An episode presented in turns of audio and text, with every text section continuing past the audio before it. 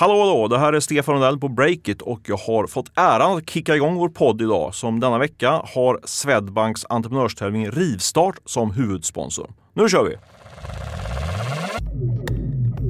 God morgon, det här är Breakit Daily och jag heter Katarina Andersson. Idag så blir det kryptopodd. Breakit kan avslöja att ett okänt svenskt kryptobolag har tagit in storinvesteringar och att en ny kryptobörs öppnar i Sverige.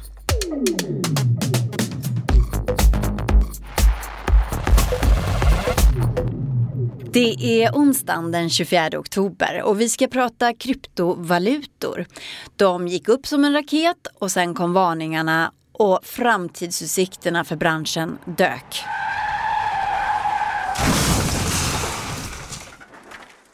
Men nu börjar det röra på sig igen och det finns åtminstone tre saker som tyder på det. Idag kan Breakit avslöja att ett okänt svenskt kryptobolag har fått in 135 miljoner kronor från tunga investerare. Chromaway som bolaget heter planerar att bygga upp en hel blockkedja som kan konkurrera med till exempel Ethereum. Och bland Chromaways kunder märks bland annat Lantmäteriet. Samtidigt har en svensk kryptoprofil fått tillstånd att starta en börs för kryptovalutor här i Sverige. Det är Totte Lövströms Trio som fått tillstånd att verka som kryptobörs fritt över hela EU. Och så har Breakit Stefan Lundell käkat frukost med en av Sveriges tyngsta investerare, Per-Jörgen Persson. Det gjorde han i slutet av förra veckan. Och storinvesteraren, han sjunger blockchain-teknikens lov. Ja, det var lite frukostskvaller där som ändå pekar på att det rör sig i blockchain-landskapet. Mer om de här krypto och blockchain-nyheterna kan du läsa om på Breakits sajt idag. Och strax så hör du Totte Lövström som berättar mer om sin kryptobörs. Men först så ska vi rikta ett stort tack till vår sponsor Swedbank som backar vår podd och som också stöttar entreprenörer på ett väldigt konkret sätt. Olle Aronsson, grundare till Breakit, du vet mer om det här. Just det Katarina och Swedbank ordnar just nu för andra året i rad entreprenörstävlingen Rivstart. En viktig del i Swedbank Rivstart är själva pitchen för det är ju så man vinner både pengar och rådgivning. Därför har jag idag med mig Emma Voxlin från startupföretaget Epishine som var en av förra årets vinnare. Du Emma, hur ska man tänka när man pitchar inför en jury egentligen? Det är mycket man ska tänka på, men viktigast är nog att ha ett tydligt budskap. Tänk på att de flesta förmodligen är mindre insatta i din idé än vad du är. Så var pedagogisk, säg vad du ska säga, säg det och sen säg vad du har sagt. Så repetition är nyckeln för att få fram sitt budskap. Annars då, vad, vad är ditt bästa tips? Öva ordentligt så att du kan känna dig trygg i din pitch. Om du är mindre nervös så är det enklare att utstråla energi och att du verkligen brinner för din idé. Och om du brinner för din idé så är det nog enklare för andra att bli övertygade. Du, tack så jättemycket för att du var med. Tack så mycket. Sverige har mycket att vinna på om fler företag får möjlighet att växa, utvecklas och bidra till ett bättre samhälle. Därför ordnar Swedbank entreprenörstävlingen Rivstart där du kan vinna 500 000 kronor för din idé. Läs mer på swedbank.se rivstart.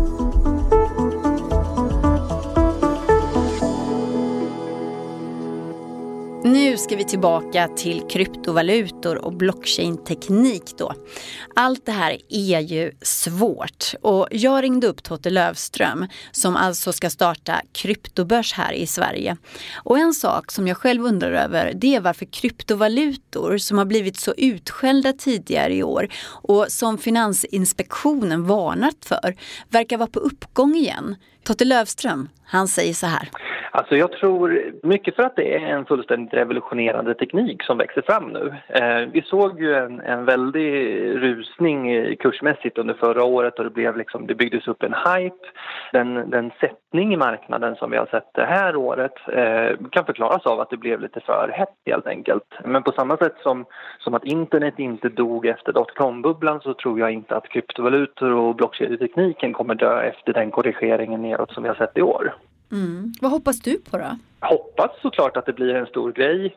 Jag är hyfsat övertygad också om att det kommer bli en stor grej. Eh, samtidigt ska man komma ihåg att än så länge så har vi fortfarande bara skrapat på ytan med, kring vad man kan göra med den här nya tekniken. Så vi kommer få se, de närmaste åren kommer det bli väldigt intressant. Det kommer växa fram saker som man liksom inte eh, möjligt kan föreställa sig idag.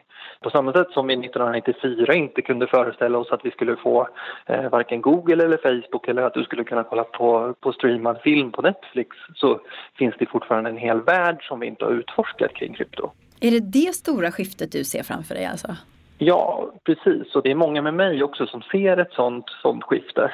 Man, man brukar kunna säga att, att jämföra bitcoin och kryptovalutor och blockchain-tekniken med att vara ett internet fast för pengar. För det som är så revolutionerande med tekniken i grunden är att eh, det, ger, det ger oss förmågan att förvara ett värde digitalt som inte går att kopiera. Vad har du själv för kryptovalutor? Har du massa olika eller har du bara bitcoins? Eh, jag har faktiskt inga kryptovalutor alls Eh, så som det ser ut tyvärr. Eh, jag hade gärna varit med eh, och ägt fler kryptovalutor i synnerhet under förra året när, det gick upp så snabbt. Samtidigt så vet jag med mig för att jag har läst på mycket så vet jag att det är svårt att göra rätt och redovisa på korrekt sätt. Så jag har helt enkelt valt att inte exponera mig mot kryptovalutor av, av rädsla liksom att göra fel. Jaha, okej. Okay. Men nu då, när din börs öppnar, kommer du att handla där? Ja, det tror jag kommer, så länge det inte blir en intressekonflikt. Det är en sån grej som vi har diskuterat mycket fram och tillbaka och vi får se vad det kokar ner till. Eh, men en sån funktion som vi kommer, kunna, som vi kommer ha på börsen är att man eh, automatiskt kan generera en, en förifylld K4-blankett så att man kan skicka in till Skatteverket exakt vad du har handlat och hur mycket du ska betala i skatt. Just för att man ska vi vill ju sänka trösklarna så mycket som det bara är möjligt. Men eh, hur gör man nu då om man vill köpa kryptovalutor på din börs? När slår den upp dörrarna så att säga? Eh, I början av nästa år har vi sagt. Just nu så håller vi på att fixa klart och bygga klart det sista. Bygga in all den enkelhet och smidighet som, som människor är vana vid att, att mötas av när man använder, eh, när man liksom surfar omkring online och så. Så det, det är lite det vi jobbar på, men någon gång i början av nästa år. Break It Daily hör du varje vecka, tisdag till fredag. Lyssna och be en kompis att lyssna också. Ola Aronsson är vår ansvarig utgivare och själv så heter jag Katarina Andersson.